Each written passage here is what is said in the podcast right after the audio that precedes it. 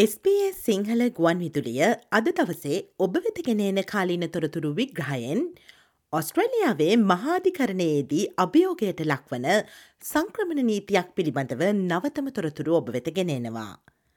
ඔස්ට්‍රලියාවට නීති විරෝධී ලෙස පැමිණෙන අනවසර සංක්‍රමණිකයින් රඳවා තබා ගැනීම පිළිබඳව ඔස්ට්‍රලියාවේ පවතින දිගුකාලීන ප්‍රතිපත්තියක් සම්බන්ධයෙන් වන සුවිශේෂී නීතිමය කාරණයක් මෙම නොවැම්බර් මාසයේදී විභාග කිරීමට මහාධිකරණය සූදානමින් සිටිනවා.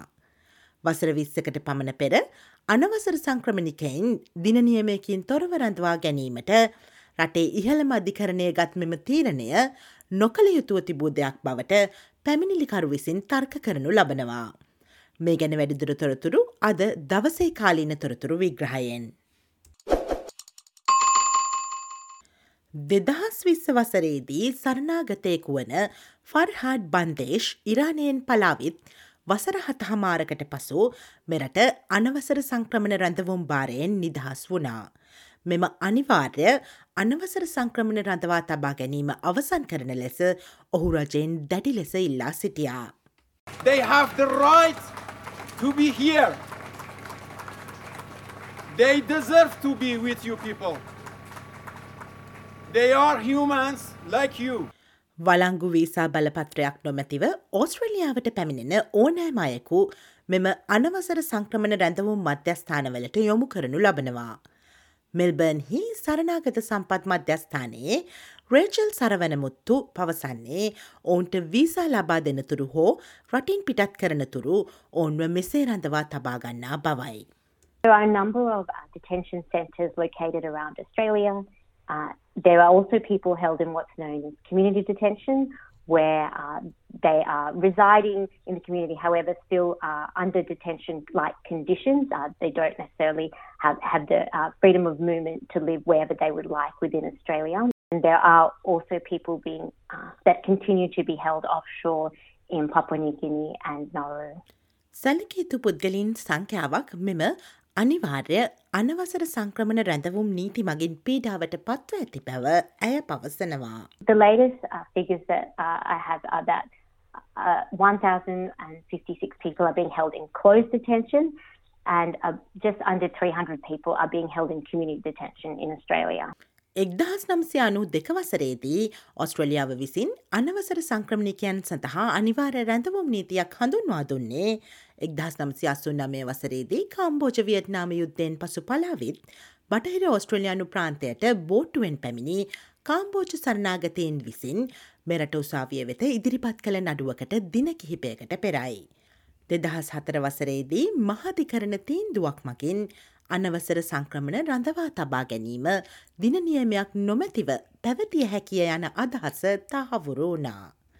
ඔස්ට්‍රේලියාවේ සුදේශ කටයුතු දෙපාර්තුමේන්තුව විසින් නිකුත් කරන ලද නිල සංඛ්‍යාලේකනවලට අනුව මෙහි සාමාන්‍ය කාලය දින හත්සියාටක්. නමුත් මානව හිමිකම් නීති මධ්‍යස්ථානයේ ජොසෆින් ලෑන්ඩ් බීන් පවසන්නේ ප්‍රායෝගිකව එය බොහෝ විට ඊට වඩා දිගු කාලයක් වන බවයි. There are, as we speak, over 100 people who have been locked up for longer than five years.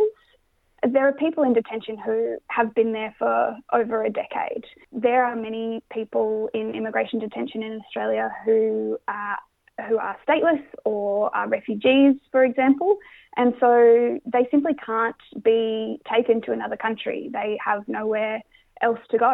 And so uh, they have spent years upon years in detention, and the government has provided uh, no solution and no pathway to freedom for those people. අනවසර සංක්‍රමණිකයින් මෙම අනිවාර්ය රැඳවුම් භාරයේ ගත කරන කාලය අපයෝජනය සහ වෛද්‍ය ප්‍රතිකාර සඳහා ඇති ප්‍රවේශයෙන් නොමැතිකම වැනි අමානුෂික තත්ත්වයන් මගින් වඩාත් සංකීර්ණ වී ඇති බව මානව හිමිකම් නීති මධ්‍යස්ථානය සහ සරනාගතයින් වෙනුවෙන් පෙනී සිටින විවිධ කණ්ඩායම් ගණනාවක් විසින් පෙන්වා දෙනවා. මෙල්බර්න්හි සරනාගත සම්පත් මධ්‍යස්ථානයේ රේචල් සරවන මුත්තු පවසන්නේ මෙම රැඳවුම් කාලය අනවසර සංක්‍රමණ මධ්‍යස්ථාන තුළ සිටිනායගේ මානසික සෞඛ්‍යයට දරුණු බලපෑමක් ඇති කරන බවයි. As you can imagine, that has profound impacts on people's mental health uh, particularly when they're separated for family without knowing when they'll be reunited again. මෙතෙක් ඔස්ට්‍රලියාවේ කිසිදු ප්‍රධාන දේශපාලන පක්ෂයක් මෙම පවතින තත්ත්වය වෙනස් කිරීමට කැමැත්තක් දක්වා නැහැ. ඔස්ට්‍රලියාවේ ස්වදේශ කටයුතු දෙපාර්තමේන්තුව පවසන්නේ ඔස්ට්‍රලියාවේ අනවසර සංක්‍රමණ රඳවා තබා ගැනීම දඩුවමක් නොවන අතර පරිපාලනමය කාරණයක් වන බවයි. එමෙන්ම එය රටේ තාවකාලික ප්‍රවේශ සහ ස්තිර සංක්‍රමණ වැඩසටහන් කළමනාකරණය කිරීමටද උපකාරී වන බව ඔවුන් පෙන්වා දෙනවා. මානව හිමිකම් නීති මධ්‍යස්ථානය සහ ජාතැන්තර සරනාගත නීතිය සඳහා වන කල්ටෝර් මධ්‍යස්ථානයද මෙම නඩුවට එක්වීමත් සමඟ NZYQ යන අන්වර්තනාමය භාවිතා කරන පුද්ගලයෙකු විසින් මෙම අනවසර සංක්‍රමණ නීතිය අභියෝගයට ලක් කරමින් ඉදිරිපත් කරන ලද පැමිණිල්ලක් මහාධිකරණය විසින් මෙම මාසේදී විභාග කිරීමට නියමිතයි. මානව හිමිකම් නීති මධ්‍යස්ථානයේ ජොසෆින් ලැංක් බීන්ද පැමිණිලිකාර පාර්ශවයේ තර්කවලට සහයදීමට අධිකරණයේ පෙනී සිටිනවා. දෙදහස් හතර වසරේ සිට අනවසර සංක්‍රමණිකයින් දිනනියමයකින් තොරව රඳවා තබා ගැනීම නීත්‍යානුකූල බවට මහාධිකරණය තීරණය කළ අවස්ථාවේ සිට එම මූලික තීන්දුව නැවත සලකා බලන ලෙස මෙම නඩුව මගින් මහාධිකරණයෙන් ඉල්ලා සිටිනවා. the Human Rights Law Centre and the Caldor Centre for International Refugee Law have uh, jointly been granted leave to appear at the hearing as amici curiae, which means friends of the court. So uh, we are not representing the plaintiff, but we are supporting his arguments and seeking to extend those arguments. This case is asking the High Court to revisit that um, that seminal decision from, from 2004 when the High Court previously decided that, that indefinite detention was lawful. This case is, is revisiting that and arguing that it is actually unlawful and unconstitutional for the government to continue to lock someone up in these circumstances. මෙම නඩුව මගින් ගැඹුරු අදහස් ගම්‍ය වන බව Josephine ලැංක්පීන් පෙන්වා දෙනවා. පැමිණිල්ලිකරුට ඉන්න අදහස් වන්නේ ඔහුගේ හෝ ඇයගේ නිදහස පමණක් විය හැකි නමුත් මෙම නඩු තේන්දුව මගින් ඔස්ට්‍රලයානු රජයට පුද්ගලයින් රඳවා තබා ගැනීම නීත්‍යානුකූලද අවශ්‍යත යන්න නැවත සලකා බැලීමට බල කළ හැකි අතර එමගින් වෙනත් විසඳුම් සෙවීමටද රජයට බල කළ හැකි වනවා. For the plaintiff at the centre of this case, it, it could mean his liberty.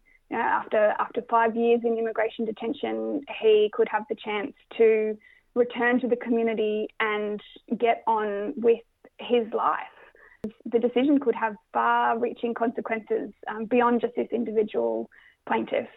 Um, the decision could force the Australian government to reconsider whether it's lawful or, or even necessary to keep um, people detained um, and potentially force the government to find other solutions.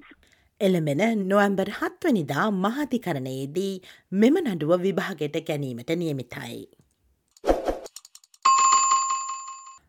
ඔස්ට්‍රලියාවේ කාලීන වශයෙන් වැදගත්වන තොරතුරු SBS Sinhala සේවේ විසින් දෛනිකව ගෙනෙන කාලීන තොරතුරු විග්‍රහයෙන් සචීව ලෙස අපි ඔබ වෙත ගෙනෙනවා. පසුව සවන් දෙන්න sbs.com.au ෆෝවඩ්/ සිංහල යන අපගේ වෙබ් අඩවියේ ඉහළ තීරුවේ ඇති මාතෘකා යන කොටස කලික් කොට කාලීන ලෙස නම් කොට ඇති වෙබ් පිටුවට පිවිසන්න. SBS SBS SBS SBS SBS SBS Radio